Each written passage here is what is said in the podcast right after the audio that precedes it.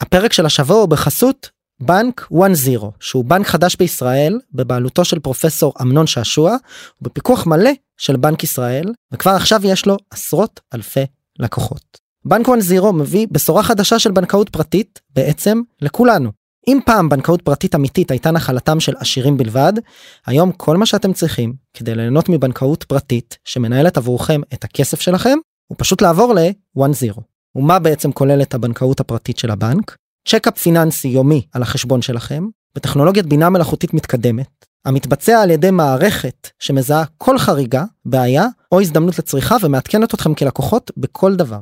אתם גם תקבלו מנהלות ומנהלי כספים אישיים המנהלים עבורכם את הכסף שלכם וזמינים 24/6 כמעט 7 ופקדונות בריביות אטרקטיביות בישראל פטור מורחב מעמלות כולל עו"ש, מכרטיס ואפילו עמלת מט"ח. ובקרוב מאוד בבנק גם תקבלו מסחר משתלם במיוחד בניירות ערך. הבנק לראשונה בישראל גם משנה את מודל התשלום ועובר לדמי מנוי. בדיוק כמו שאתם משלמים לנטפליקס, לספוטיפיי, תשלמו לבנק תשלום חודשי קבוע והוגן. 49 שקלים בלבד לחודש לחשבון פרטי ו-59 שקלים לחשבון משותף. ומה צריך כדי להצטרף? 10 דקות פנויות, ה link ב description, דרך הנייד ומכל מקום, בהצלחה. עוד פודקאסט? עוד פודקאסט. עוד פודקאסט לסטארט-אפים.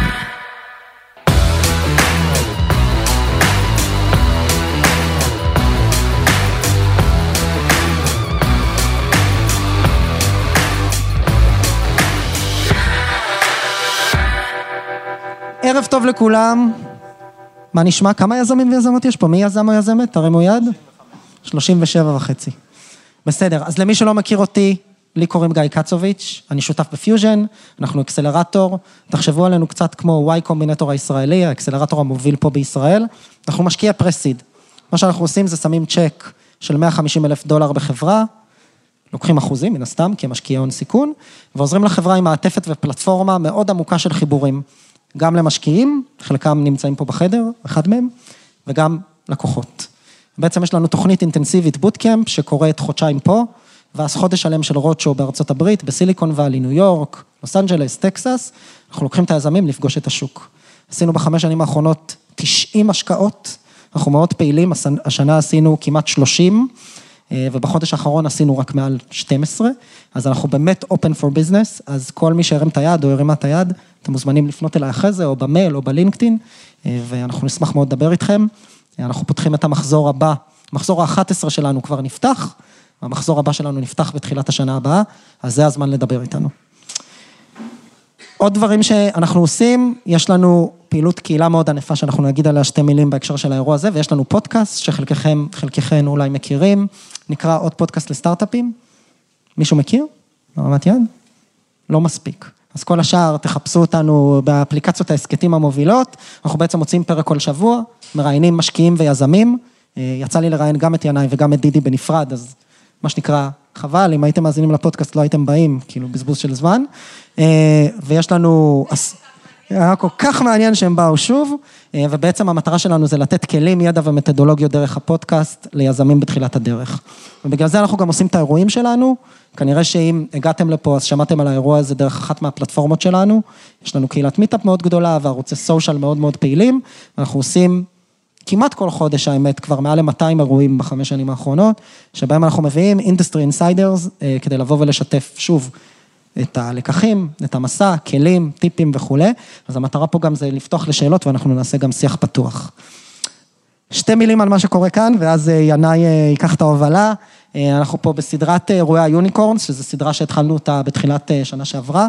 בעצם אנחנו מביאים סטארט-אפים שהם יוניקורנים או soon to be יוניקורנים, עם משקיעי הסיד שלהם, המשקיעים הראשונים, כדי לבוא ולשמוע קצת על החוויה משתי הזוויות, זו חוויה שהרגשנו שבדרך כלל אנחנו לא עושים. אני רוצה להגיד תודה אה, לשני, או שני, שני השותפים העיקריים שלנו לאירוע הזה, או לסדרה כולה, שזה גם פועלים הייטק, תנו להם כפיים, הם פה, הם שומעים. וכמובן אה, לפירמת עורכי הדין פרלקוין צדק קלצר ברץ, אמרתי את הכל, ושות, שמארחים אותנו פה, זה המשרדים שלהם. לא, הם לא אהבו את המשרדים, כפיים חלשים. אה, זהו, וגיא ועדי, גיא לחמן אה, אה, מפרל כהן ועדי מפועלים הייטק יבואו וינחו את הפאנל, דידי וינאי. זהו, סיימתי עם ההצגה, תהנו, תנו להם כפיים. תודה רבה, תודה רבה לכולם. ברוכים הבאים, אנחנו מתחילים את האירוע החמישי כבר בסדרה הזאת. אנחנו גם עוד שנה וחצי, שנה ורבע של סדרה, שאנחנו בעצם רואים את כל ההתפתחות של התעשייה.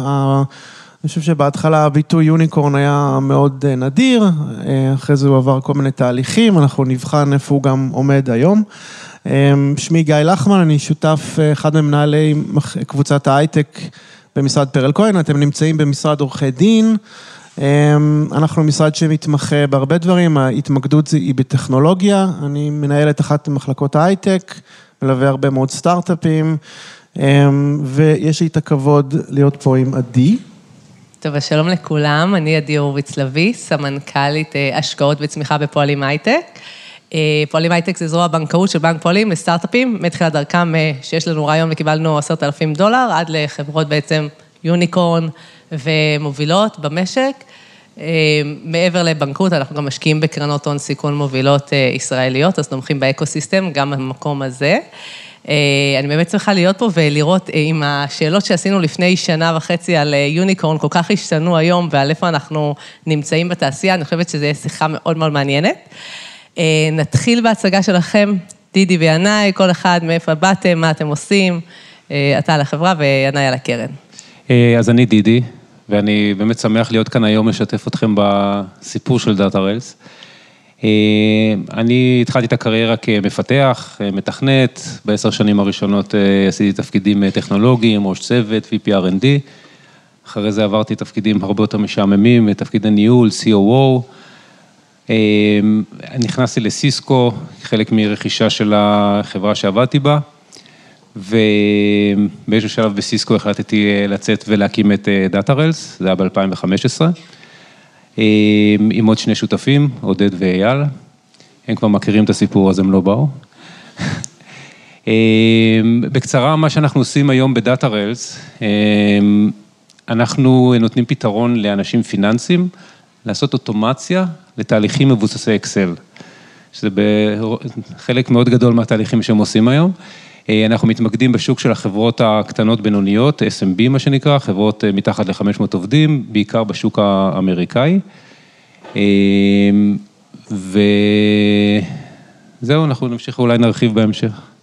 אהלן, ינאי, שותף בקרן ורטקס, קרן ישראלית ותיקה, אנחנו משקיעים עכשיו מקרן 6. במהלך השנים גייסנו מעל מיליארד ו-300 מיליון, קרן האחרונה היא 250, ואנחנו בערך באמצע שלה. אני ברקע שלי מהנדס לכמה שנים, אחרי זה נסעתי לארה"ב ל-MBA ועבדתי בסטארט-אפ בינוני, בפיתוח עסקי, ואז קנינו חברה וניהלתי אותה, זה הרקע היותר אופרטיבי שלי, וב-13 שנה האחרונות אני משקיע בוורטקס, אנחנו משקיעים בוורטקס בשלבים מוקדמים, C ו-A בדרך כלל, לפעמים טיפה חורגים למעלה. במהלך השנים השקענו בהרבה חברות מאוד טובות, כמו SolarEdge, CyberArk, Waze, זה כזה הדור הקודם, לפניי. בדור שלי, חברות כמו Data Rails, On Backup, יוטפו, Verbit ועוד 50 חברות אחרות שכרגע אקטיביות בפורטפול. מעולה, תודה רבה, כיף שאתם פה. אני מחזיר אותך, דידי, ואת הקהל אי שם ל-2015. שבעצם הכל התחיל. אמרת קודם שאתם שלושה מייסדים, כל אחד מביא, מגיע מכיוונים אחרים. איך בעצם התהליך מתניע את עצמו? איך הוא מתחיל? מה הניצוץ? איך, איך זה קרה במקרה שלכם? אז למעשה כל הסיפור של Datarails, הוא התחיל במסדרונות של סיסקו.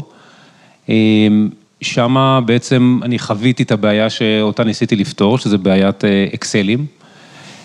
עוד לא הייתי בכיוון או מוכוון לעולם של finance בעיקר, אבל הסיפור הזה שיושבים בחברה כל כך גדולה כמו סיסקו, שמשאבים זה לא חסר לה, ועדיין המון המון תהליכים נעשים על אקסלים, בבלגן עצום, כל אחד עושה מה שהוא רוצה, ו... בעצם אני יצאתי עם איזשהו קונספט שאומר בוא ננסה לפתור את הבעיה הזאתי, אבל בדרך קצת שונה מאיך שהעולם אה, רגיל לפתור את הבעיה הזאת. כי איך העולם אה, בדרך כלל אה, פותר תהליכים ידניים או תהליכים שמבוססי אקסל, הוא מוציא עוד איזושהי אפליקציית SaaS, עושה עוד איזו אפליקציה וובית שבעצם מגדירה את התהליך בצורה יותר מובנית ונותנת למשתמשים, מבקש מהם לעזוב את האקסל ולעשות את הכל דרך פורמים בנויים מראש ודרך data model בנוי מראש ו outputים ברורים מראש. והקונספט שאני באתי איתו היה, נשאיר את האקסל כמו שהוא, נשאיר את כל הגמישות שלו, אבל בואו ננסה להפוך אותו למשהו שהוא מבוסס database, ובעצם לחלץ את המידע מתוך האקסלים לתוך database אחד מרכזי.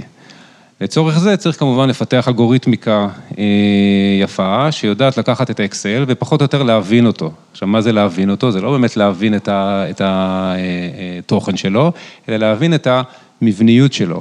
או לאנשים שקצת עובדים כאן עם אקסל, זה להשטיח אותו, להשטיח את האקסל.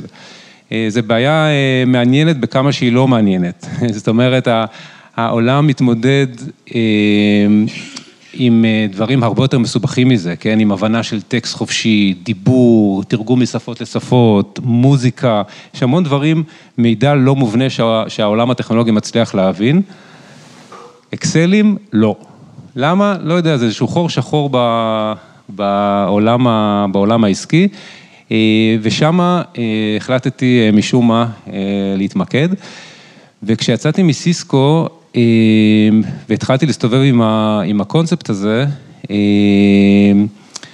אז בעצם עוד לא היה אפילו מוצר או, או פתרון ממש ממש ברור מעל, ה, מעל הדבר הזה, אה, אבל הצלחתי לשכנע כמה אנשים, כמה אנג'לים שזה מספיק מעניין ומספיק גדול.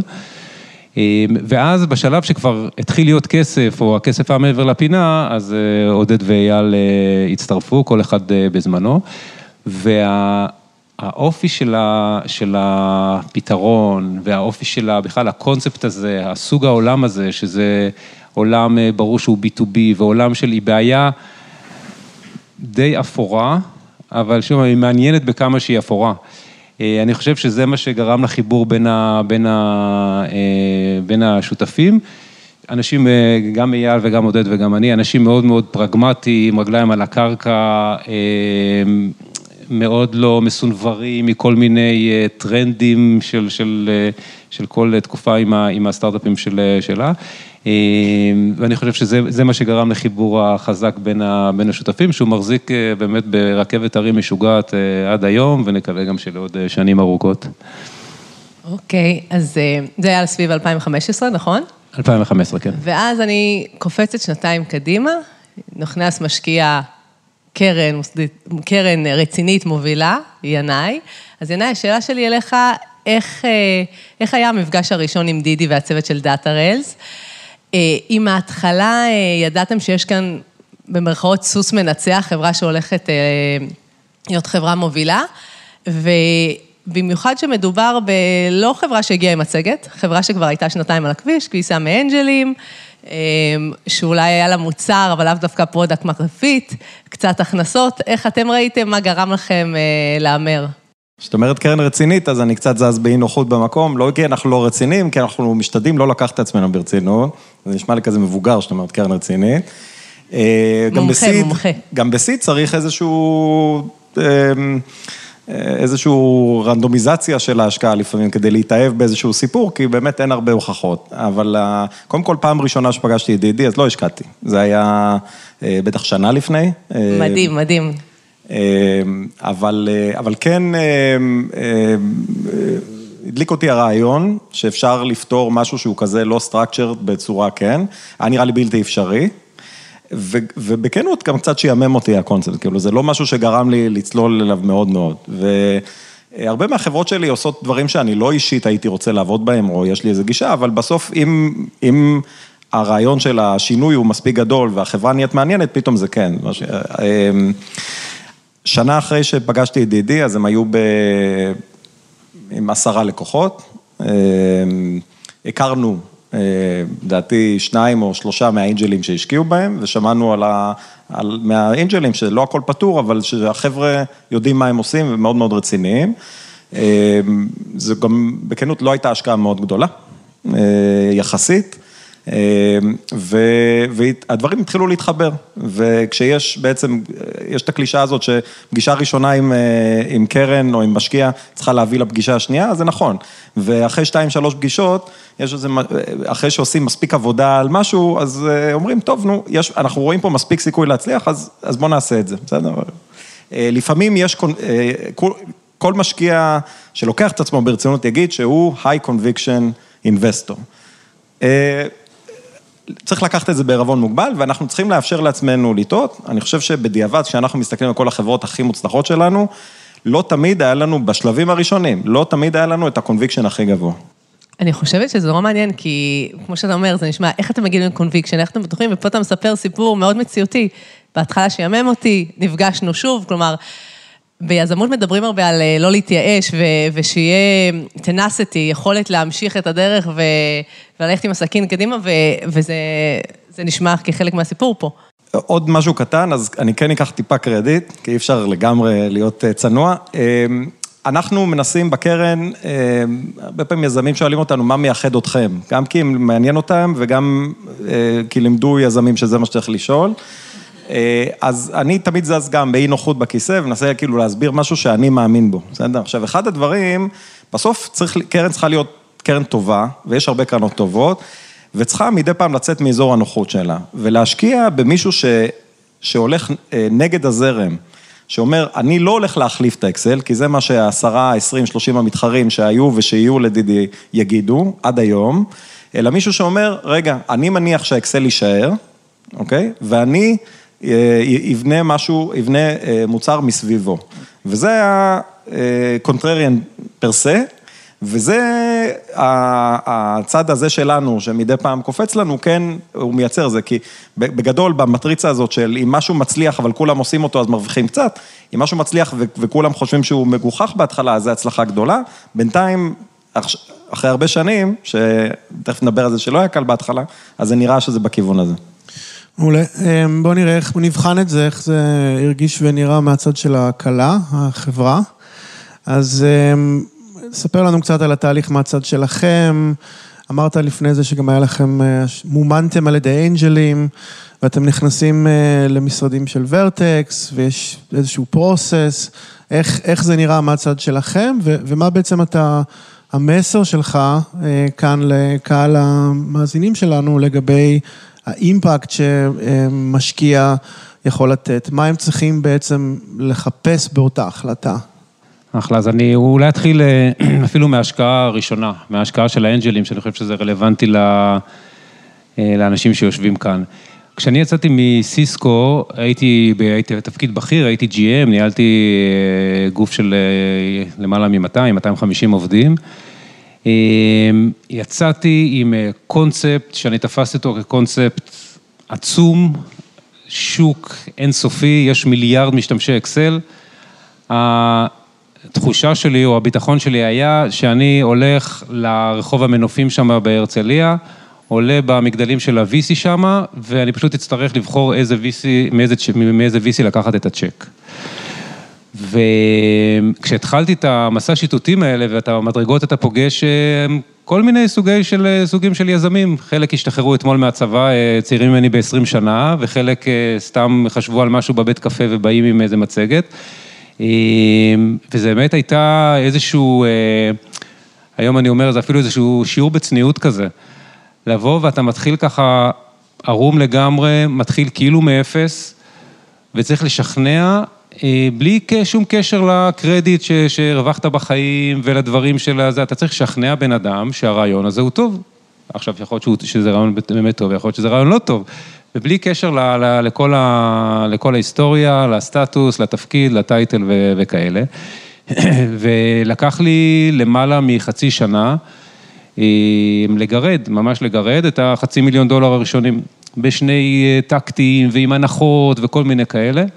אז זה היה, אני חושב, החלק אולי הכי קשה מנטלית במסע. החלק הזה הוא גם הכי אה, מפחיד, הוא הכי מפחיד, כי אתה עוד לא קיבלת שום ולידציה לרעיון, כלום, אפס, ואתה מדי פעם שואל את עצמך, אולי אני אידיוט, כי קיבלתי כל כך הרבה פעמים לא, ויכול להיות שאני בעצם אה, טועה כאן בגדול. אז, אה, אז זה אני ממש מרגיש כאן איזשהו אה, סוג של אה, אה, הבנה די, די גבוהה למה שחלק כאן אה, בשלב שאתם נמצאים. אחרי שהדברים מתחילים אה, טיפה להתחבר, ולהתחבר זה קצת הגזמה, כי אף פעם הדברים לא מתחברים, אלא הדברים מתחילים להתקדם. יש שותפים, ו- וקצת עובדים, ופתאום יש איזה מוצר, ויש איזשהו דמו, אז יש איזושהי הרגשה עם קצת יותר של ביטחון, שזה עניין של זמן. זאת אומרת, אם אני אפגוש אה, 50 VC, אז אחד יגיד לי כן, אוקיי? אז, אז, אז זה ה... זה. ובאמת אה, עברנו אצל המון המון המון VC. אה, ורובם זה כבר הפעם, כמו אצל ינאי, פעם שנייה ושלישית שהם, אה, שהם פוגשים אותי. ועם הסיפור שלי, מהצד, כאילו, מה- איך זה נראה מהסיפור שלי, שיכול להיות שוב פעם שהוא לא קשור למציאות בכלל, אני חושב שהחיבור היה יותר חיבור אה, פרסונלי. למה חיבור פרסונלי? כי בעצם אה, סוף סוף מישהו שיסתכל מאותה זווית על, ה- על הבעיה שאנחנו מנסים לפתור ואומר, אוקיי, נכון שזה מצד אחד מאוד משעמם, אבל מצד אחד זה, זה מבריק בשעמום שלו. אה, וכאן אה, הרגשתי שיש כאן איזשהו מישהו שמסתכל על, ה, על, ה, על, ה, על הדרך שלנו ממקום שאנחנו מרגישים שהוא מאוד נכון, והרגשנו שזה באמת מתקדם בכיוון הנכון. אה, בשלב הזה, מה שמאוד מאוד עזר לנו, שהיה לנו אה, כמה לקוחות שכבר השתמשו בפלטפורמה. הם עוד לא הוכיחו יותר מדי דברים, זאת אומרת, הם הוכיחו שהיה להם בעיות באקסל, והם בעיקר הוכיחו, אני חושב מבחינתנו, א', שאנחנו יודעים למכור, שזה, אני חושב שזה מאוד מאוד חשוב שאנשים ידעו למכור, לא משנה מה, אה, ושתיים, שהטכנולוגיה יש לה רגליים, שהיא עושה משהו, ולא סתם אה, מצגת. וקצת, אני חושב, דרך הלקוחות, היה אפשר להוכיח ש, שיש כאן משהו אה, שהוא, שהוא אה, מתקדם ויש כאן אה, סיכוי לעשות משהו, משהו גדול. אה, אז ככה זה, ככה זה היה נראה. אז אני לוקחת את הנושא הפרסונלי בין משקיע ליזם, ושאלה אליך, ינאי. מהצד שלך, איך אתה ממליץ לסטארט-אפים מתחילת דרכם לבחור את המשקיעים שלהם? מה צריך להיות לנגד עיניהם ש... שהם באים לבחירה? הנה, דידי סיפר שזה היה גם המון פרסונלי, על ההסתכלות על הבעיה, איך, איך אתה רואה את זה? כן, קודם כל בשביל לבחור צריך את האופציה לבחור, אז עדיף מכל הסיבות הנכונות לקבל כמה הצעות או לכוון לשם, אה, שזה אגב כאילו obvious מה שאני אומר, אבל לא תמיד, גם יזמים שלנו לפעמים שיוצאים לסיבוב ואיזה קרן אחת מתחילה לחזר לכם, כי הייתה שם קצת לפני, קרן שיש לה שם טוב, אז הם אה, פשוט אה, רצים איתה, ותמיד, תמיד, תמיד צריך לחזור אחורה, אלא אם כן יש משהו ומסכנים אותו, ולנסות לייצר כמה תהליכים במקביל. זה מחליק כל כך הרבה דברים, בסדר? כל הדרישות, כל ה-DD האקסטרה, פתאום נעלם שיש תחרות, אה, תחרות גורמת לכולם להתחדד. אז זה נשים בצד. איך, איך להיחבר? אז שוב, במידת האפשר, והאמת שזה די קל, לדבר עם יזמים של הקרן, ובגדול, לפני שמרגישים כימיה וכולי, אז אני אומר, הכי קל, לדבר עם יזמים של הקרן האחרים, האנשים יגידו לכם. אה, מה היה, ואתם תשמעו סיפורים מאוד מאוד מעניינים, היה לי איזה קרן, מישהו אחד שהתלבט איתי, זה היה יותר כחבר, התלבטתי על איזה קרן, ואני חשבתי שזה אולי קרן לא הכי זה, ואמרתי לו, הנה שלושה יזמים, הנה טלפונים שאני לדבר איתם, הוא חזר אליו ואמר לי, אחרי שני טלפונים, ולא היה לו אופציות אחרות, הוא ויתר על ההשקעה. כי הוא הבין שדברים מסוימים בקרן הזאת, כי הוא חושב אחרת, יכולים להרוס לו את ה... אה, כאילו חוסר אה, אה, סנכרון בין משקיע ויזם, יכולים לקחת רעיון טוב ולהרוג אותו. אה, ולאו דווקא, ולקרן הזו יש הצלחות מאוד מאוד גדולות, זה פשוט עניין של אופי. אה, או שזה משקיע ספציפי וכו'. אז בגדול, צריך להרגיש את הכימיה ולעשות דו דיליג'נס עם, עם יזמים אחרים. ולגבי העובדה שהם היו שנתיים על הכביש במימון אנג'לים, איך אתה רואה את זה? כאילו, האם, האם, כאילו, חברות אחרות שנמצאות במצבים דומים, זה יתרון, חיסרון, הם באים אליך פחות בשלים, יותר בשלים? זה, זה מאוד שונה. זה, זה נכון שיש, קודם כל זו הייתה תקופה אחרת.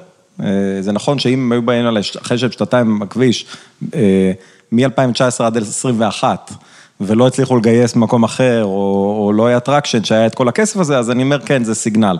זה היה ב-2017, זו הייתה תקופה אחרת, ובגדול, אני אומר שוב, אה, זה, זה משהו שהוא, יכול להיות שזה יתכתב אחר כך, ש, שהיינו צריכים לעשות את הגיוס כאילו אחרי שדווקא הדברים התחילו לעבוד, וכמה היה קשה לגייס מחיצונים, ובסוף סוג של אנחנו עשינו את הגיוס הזה פנימי, אז אני אומר, קשה, אה, כן, יש, יש איזשהו משהו שאתה אומר, אני רוצה משהו שהוא נקי יותר, שרץ יותר באיזה מומנטום, אבל היה להם מומנטום, הם היו עם עשרה לקוחות. אה, אה, אף אחד לא, לא חשבנו שהם ממריאים מפה, אבל ראינו מומנטום יפה.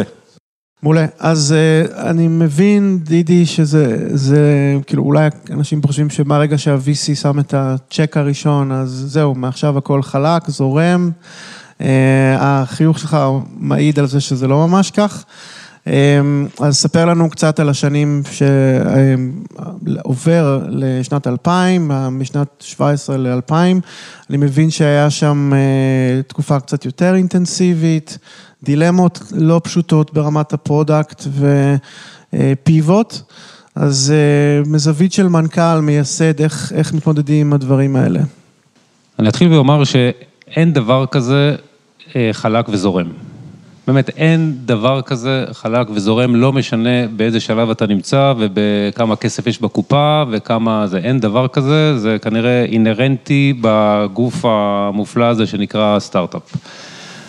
אחרי ה disclaimer הזה, אני יכול להגיד שמ-2017 עד ל-2020, או ניקח אפילו 2015 עד 2020, אנחנו באמת עברנו מסע, אני חושב, ארוך ודי ייחודי באורך שלו.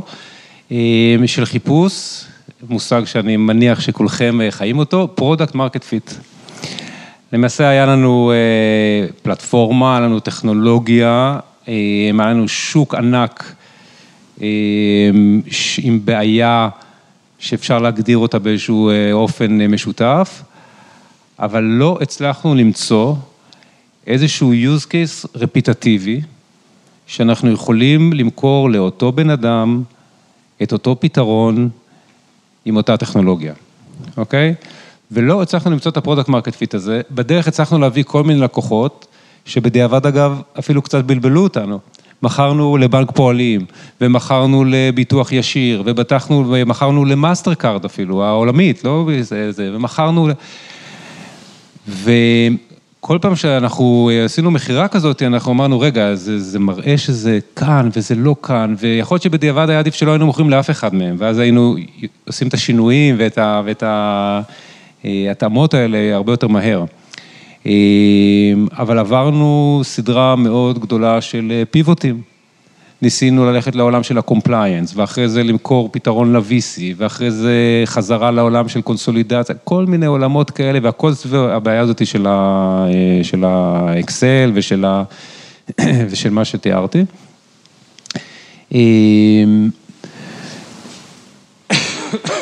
תוך כדי המסע הזה, כמובן צריך לממן את החברה. לא היינו, לא היינו ממש... שמנים אז, זאת אומרת, לא, לא שרפנו המון כסף, אבל עדיין היה צריך לפתח, הכל, הייחודיות של החברה הייתה בטכנולוגיה מאוד מאוד, סליחה.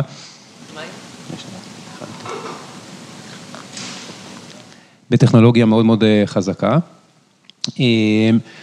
וכאן זה בעצם היה האתגר הכי גדול שלי בתור, בתור מנכ"ל. כי צריך להחזיק כאן מצד אחד גם את ה... כל הזמן את מה לא עובד, כי התפקיד שלך בפרו, בחיפוש ה product market fit הוא כל הזמן לחפש מה לא עובד, כדי לתקן, מצד אחד. מצד שני, בשני הצדדים של המתרס, גם בצד אחד המשקיעים, ואלה שאתה רוצה שימשיכו להשקיע, או משקיעים חדשים, ומצד אחד העובדים, אתה צריך להפגין המון המון ביטחון, שאנחנו בכיוון הנכון. והקונטרס הזה וה, וה, והדואליות הזאת היא מאוד מאוד מאתגרת. וה...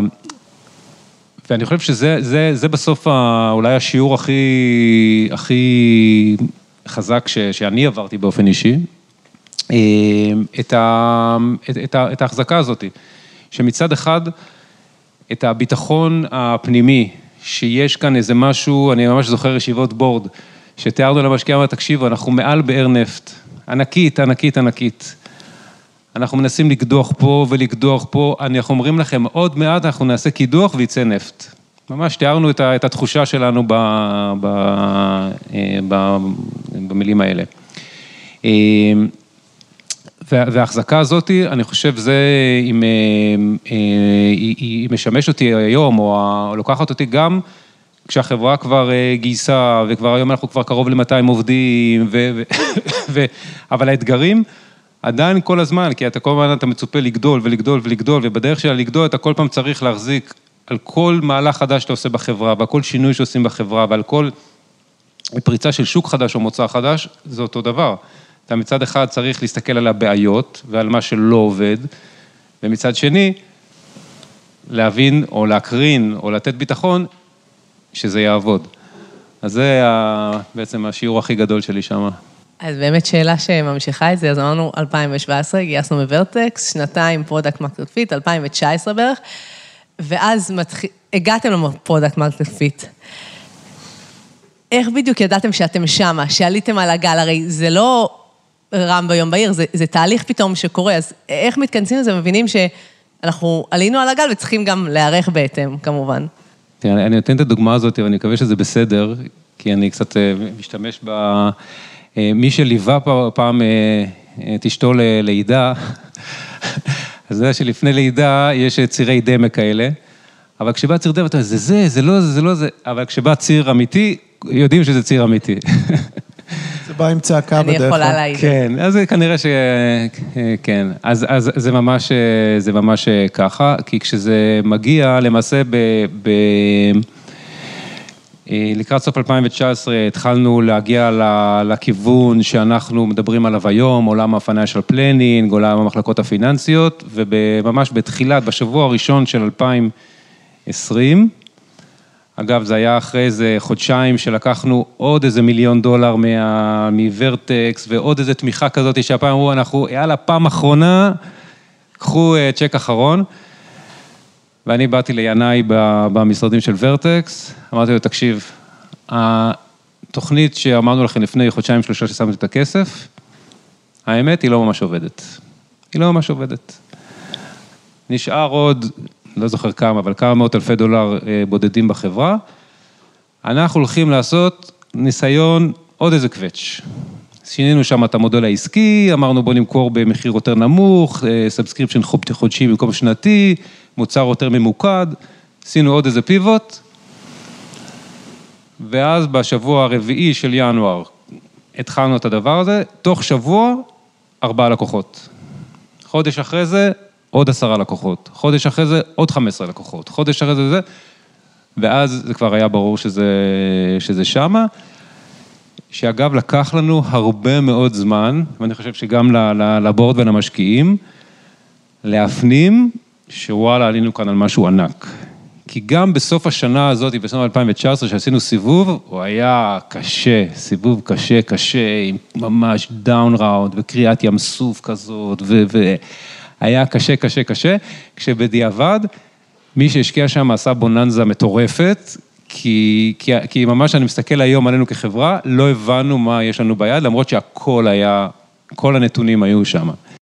מעולה, ומהצד השני שהוא בא אליך, אני מניח שלא היית עם כזה, אה, כזו הבעה על פניך מתי ששמעת את הבשורות, איך זה מרגיש מהצד של המשקיע בעצם? אתה רץ איתם שם על, על הגבעה, מטפס ביחד איתם על הגבעה, בשוחות, אתה בורד ממבר, איפה, איפה זה בא לידי ביטוי, איפה התמיכה שאתה נותן, או בתפיסה שלך ונצ'ר קפיטל אמור לתת? קודם כל, נראה לי גם, כן הייתי עם חיוך. לגמרי. אגב, אני, אפילו בא- באותו זה, אני הצעתי לינאי לקחת את הכסף חזרה. אמרתי לו, תקשיב, בואו, קחו את הכסף חזרה, זה גם אופציה.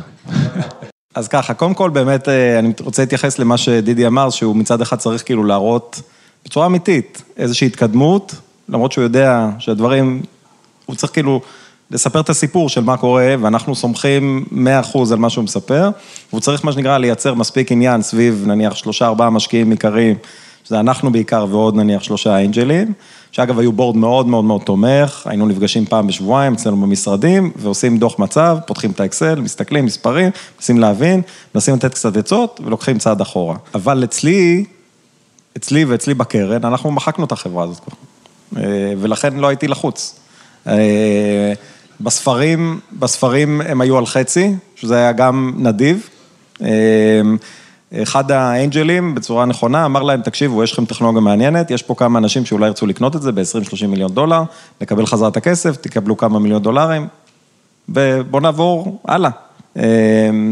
אז, אז קודם כל, גם לי, אחת הסיבות שאני יכול להיות לא מאוד לחוץ על זה, לוקח את זה מאוד ברצינות, אבל זה שגם השותפים מאחורה, הם נותנים לי את הגב הזה של להגיד, אוקיי, בסדר, צריך לזכור, היום אנחנו שכחנו את זה ונזכור עוד פעם, שב-VC סוגרים חברות. והשותפים שלי עברו את משבר של 2000, 2008 וכמה לך באמצע, אז הם, הם, הם יודעים את העבודה.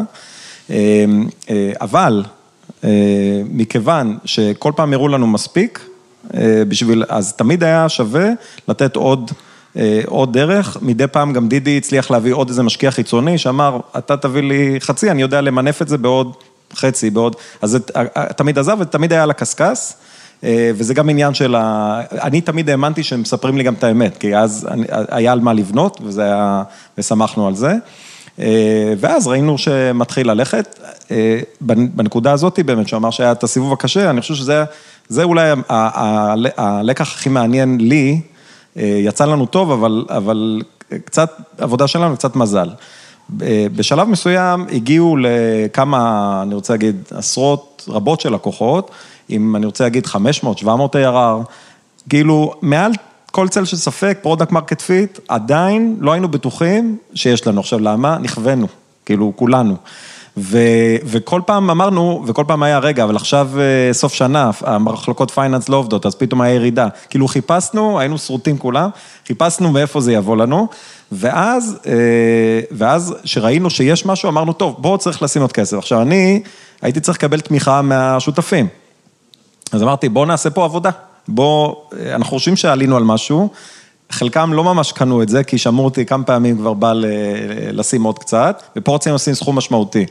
אז הבאתי איתי עוד שני שותפים, נכנסנו ועשינו כאילו דו דיליג'נס על מלא, לחקור למספרים, לבדוק בצורה מאוד מחויכת, לא, לא גזרים לחברה, וסך הכל היחסים תמיד היו מאוד ידידותיים. עשינו עבודה והחלטנו להשקיע, אבל עדיין אמרו לי, בסדר, החלטנו, אבל בוא, איזו חברה עם baggage, עם cap table קשה, בואו נוודא שהיא יוצאת לדרך הנכונה. אז נתנו עסקה שבעינינו הייתה סבירה, אוקיי? מבחוץ היה אפשר לחשוב שזה אגרסיבי מאוד, ואז חלק מהאנשים סביב השולחן ב board אמרו, קודם כל תודה, אבל בואו נבדוק את שאר השוק. ואז עשיתי משהו שהיה לי מאוד מאוד קשה, ואמרתי, בבקשה, כל עוד המספרים עולים, ההצעה הזאת תהיה שם. אין לי סיבה שלא.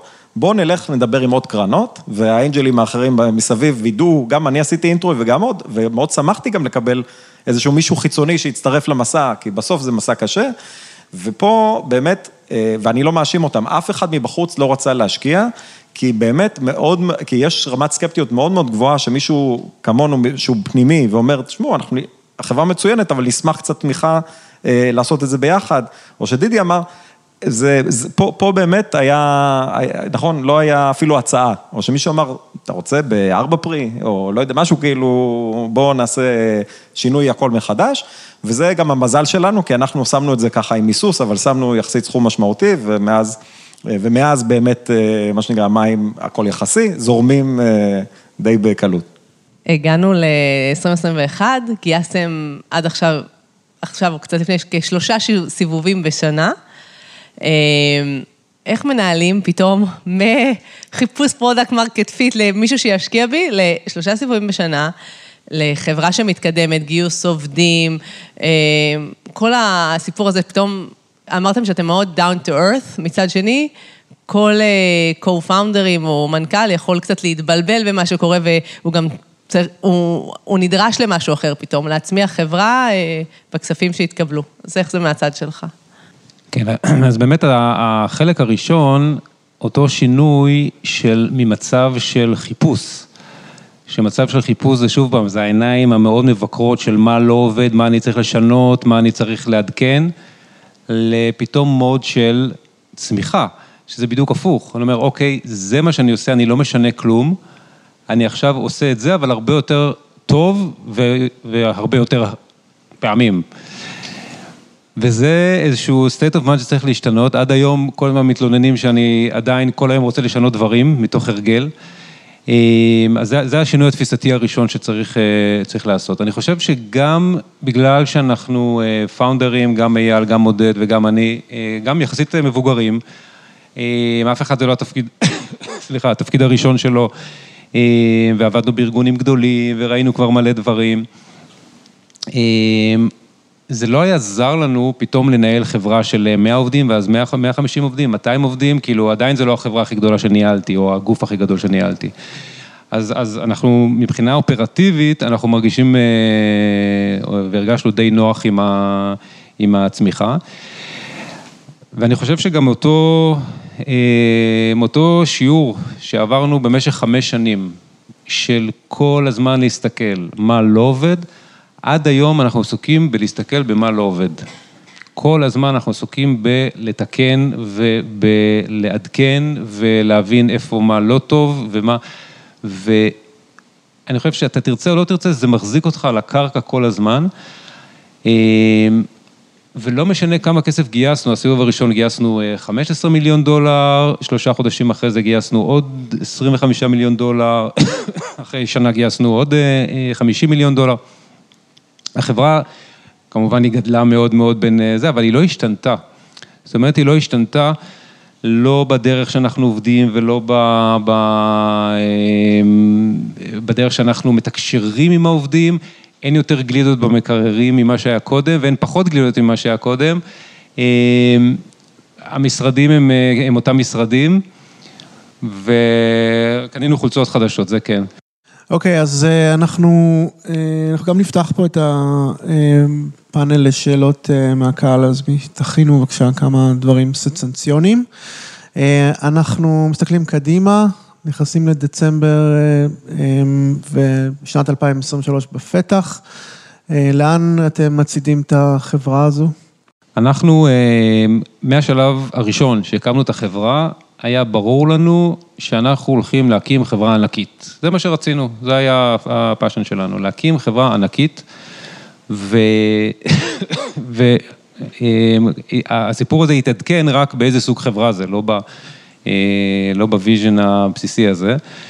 ואנחנו, ברגע שמצאנו את אותו קידוח נפט, שמגיע לאותו באר נפט ענקית, בתחילת 2020, אנחנו בעצם מיקדנו את ה vision שלנו, אנחנו, החזון שלנו היום זה להיות מובילי השוק ולהיות חברה ענקית שנותנת את אותה פלטפורמה ל-CFO, לעשות, להריץ את כל הפרוססים שלו, את כל התהליכים שלו, את כל התהליכים הידניים שלו, דרך דאטה רלס.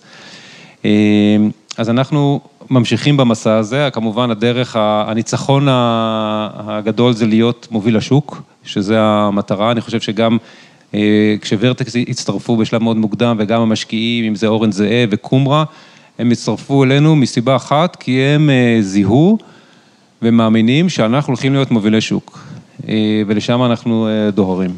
ה pitch שלי על Datarails, Datarails היום, כאילו קצת מהמספרים, מוכרת היום בערך ב-30 אלף דולר לחברה קטנה, 50 עד 200 איש, לפעמים 500, היא עושה את זה בגדול, אל תתפסו אותי מילה, אחרי שתי שיחות. טלפון, או שהם מגיעים, לשנה, ויש 200 אלף כאלה, צודק, בארצות הברית, זה שישה מיליארד דולר הכנסות פוטנציאל, וכרגע, חוץ משחקן אחד מתחרה, אין עוד מתחרים משמעותיים. והמתחרה הזה הוא, לפי הערכות שלנו, בין עשירית לחמישית מהגודל של דאטה רילס. אז הפוטנציאל הוא אינסופי, וזה לפני שמרחיבים את היריעה בתוך המשרד CFO הזה, לאיזה עוד צרכים הוא צריך. עכשיו צריך לראות שאנחנו מאוד יעילים, וכמה עולה לנו הדולר המרג'ינלי, ואת כל הבעיות האלה שהוא מודאג מהם היום, אבל זה הפוטנציאל, הפוטנציאל הוא אינסופי. מדהים. ינאי, מהראייה שלך, כי בסוף יש כאן סטארט-אפים בתחילת דרכם, אנחנו רואים מה קורה ב-2022 לעומת 2021, ומה צפוי לנו ב-2023, גם אה, מהרבה LP מיטינג שנכחתי בשבוע שעבר, לא תמיד אופטימיים. עם זאת, ב-early stage יש קצת יותר אופטימית, כי יש dry powder. אני אשמח לשמוע את הצד שלך אה, לאותם יזמים פה שהולכים לגייס השנה, איך אתה רואה את השוק? אנחנו פסימיים. אה, לטווח הקצר. לשנתיים הקרובות אה, יהיו עוד הרבה צרות שיפלו על כל עולם ההייטק. נגלה עוד כל מיני סטארט-אפים שלא היו יעילים יותר מדי, נגלה שהשוק, השוק היום הציבורי הוא יותר קשה עם החברות מאשר השוק הפרטי, אז יש עוד ירידות ערך בדרך, יהיו כל מיני בעיות בגיוסים, וזה משפיע על המצב רוח של אנשים, אוקיי? לעשות השקעות חדשות, כי שהולך טוב אז כזה זורם, ו... ושפחות. אה, אז, אה, זו תקופה קשה, והיתרון בתקופה קשה זה שמי שמתחיל והוא יותר אה, קשוח מאחרים, אז הוא נמצא במקום יותר יציב, עם אנשים יותר טובים, בשכר יותר נמוך. אז, אז אנחנו עשינו השקעה, עשינו השנה ארבע, ועכשיו חתמנו על עסקה חמישית, על term sheet, אז אנחנו ממשיכים להשקיע, בסדר? מתוך המקום הזה של להיות פסימי, בתקופה הקצרה. אז, אז זה, זה הלקח, אה, אין ברירה אלא להמשיך. אה, אה, סליחה על הקלישה, הטכנולוגיה נהיית יותר, חלק יותר גדול מזה, נהיה יותר קל היום במובן טכני, פיתוחי, גיוסי, נהיים היום כלים, הרבה הרבה יותר נוח היום להקים חברה מאשר אי פעם, וגם נכון שהכסף הזה הוא הרבה יותר חושש, אבל יש יותר כסף מתמיד. אז אה, אם אה, חלק מהקרנות תכננו להוציא את זה בשנתיים, הם עכשיו אולי ייקחו, גם הם מעריכות את הראנוויי שלהם, הם יעשו את זה על פני ארבע שנים, הם רוצות טיפה לדחות את הזמן שבו הן חוזרות ל-LPs, מכל אחד עם ה... אז, אבל הכסף הזה שם, גם אם הוא ירד לשורט טרם לחצי, הוא עדיין ירד לחצי מהמקום הכי גדול שהוא היה אי פעם. אז במובן הזה אני אה, פסימי, אבל הכל בסדר. טיפה אופטימיות אנחנו שומעים. אה, שאלה אחרונה שמתבקשת פה גם, זה איך אתם רואים שניכם את העתיד מבחינת שוק התעסוקה? איך ההתמודדות שלך כמנכ"ל של חברה במציאות הנוכחית בשוק? אה, מה אתה רואה, ינאי, בפורטפוליו שלך? אמ, אני רוצה לחשוב שגם בימים ששוק התעסוקה היה אה, ג'ונגל, והיה צריך לעשות פרסומים באיילון וכאלה, עדיין אה, אנחנו בחרנו את העובדים הכי הכי טובים, ולא התפשרנו על עובדים בגלל שיש, שאי אפשר למצוא עובדים. וגם להפך, כאילו, אני מקווה שהעובדים באו לדאטה ריילס, כי הם בחרו את דאטה ריילס ולא בגלל שלא היה להם אופציה אחרת. אז אני חושב ש... וזה... ש, שלאחוזון העליון, אני לא יודע אם זה עשרה אחוז או עשרים אחוז מה, אה, מהעובדים וגם של החברות, אני חושב ששם הסיפור הוא שונה, שם הסיפור הוא שונה, וכנראה שהרבה מהאתגרים יהיו דווקא בעשירונים הממוצעים, הממוצעים. אה, אני מניח שכלכלה כמו בכלכלה, יצא הביקוש. אה, אנחנו לא רואים אה, משכורות שיורד- שיורדות, אנחנו לא רואים, אה, זה עדיין, ושוב פעם זה יכול להיות בגלל שאנחנו עדיין מביאים אנשים שיש עליהם תחרות, ואנשים שהם A-פלייר, ואנחנו גם לא מנסים להוריד אותם, אני חייב לומר, בשלב זה. אנחנו לא מנסים אה, לבוא ולתת אה, מחירים יותר תחרותיים, כי בינתיים אנחנו אה, חושבים שזה, שזה מה שמגיע.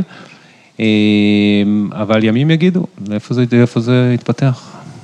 רק להוסיף, אה, אנחנו רואים בחברות שלנו שהיו צריכות אה, לפטר עובדים, שרוב הפיטורים קרו מחוץ לישראל.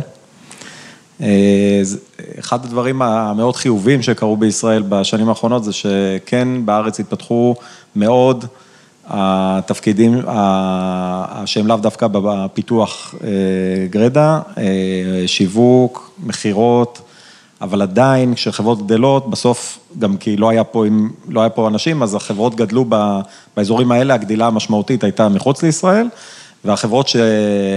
שהודיעו נניח בכמה שבועות האחרונים, אז נניח, לא יודע, מתוך אה, סדר גודל של נניח 100 איש, אולי חמישה אנשים היו בישראל.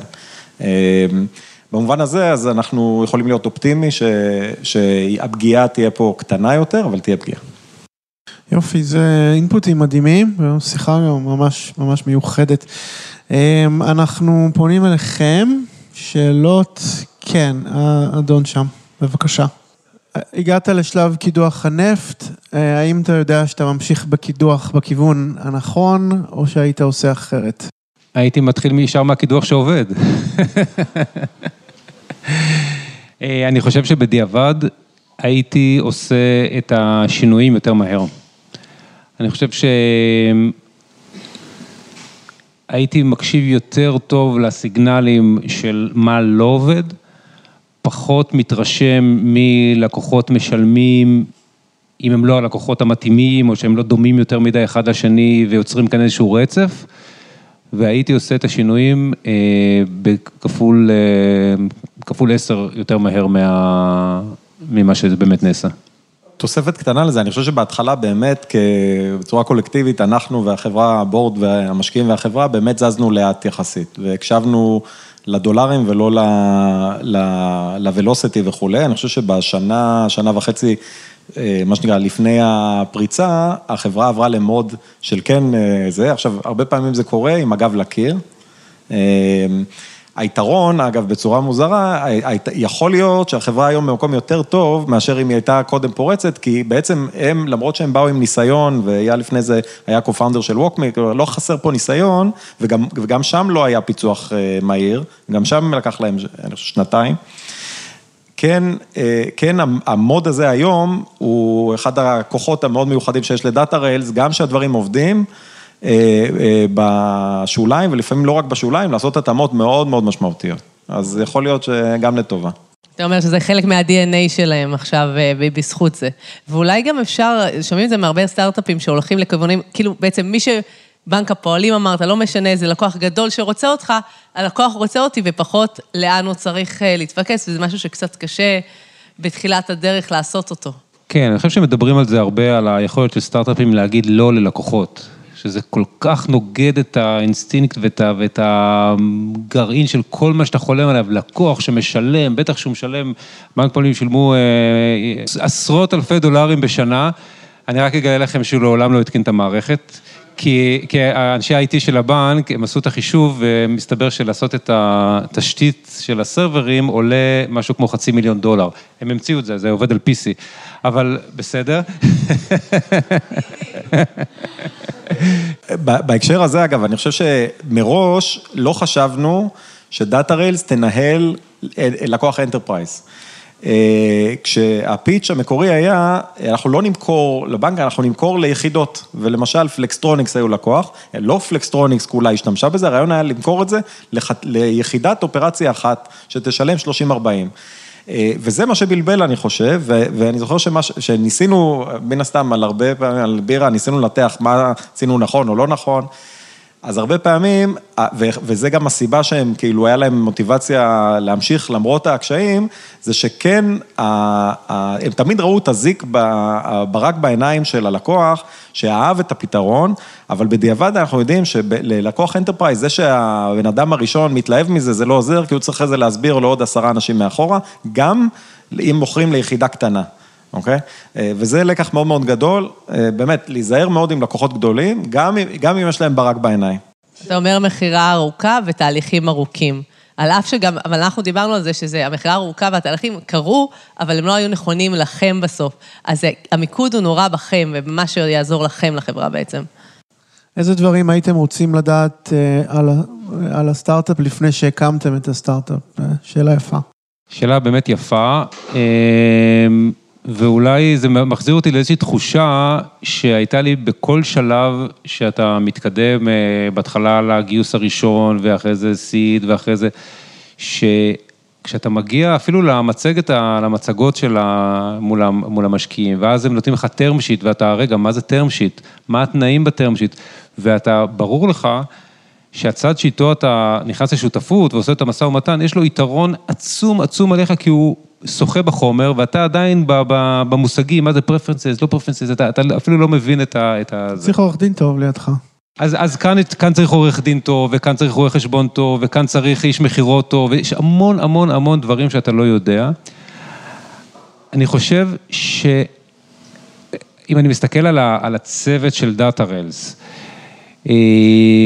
אני לא חושב שאפשר לחלום על צוות שבא מעבר ל second timers כאלה שבאים ועשו כבר סטארט-אפ בזה, אבל אני לא חושב שאפשר לחשוב על צוות שיש בו יותר ידע רלוונטי, כי עודד כיסה את כל התחום של הטכנולוגיה, אייל היה עד השלב של די מתקדם בתוך WalkMe, אני ניהלתי ארגונים גדולים וגם מ-R&D וגם מוצר וגם...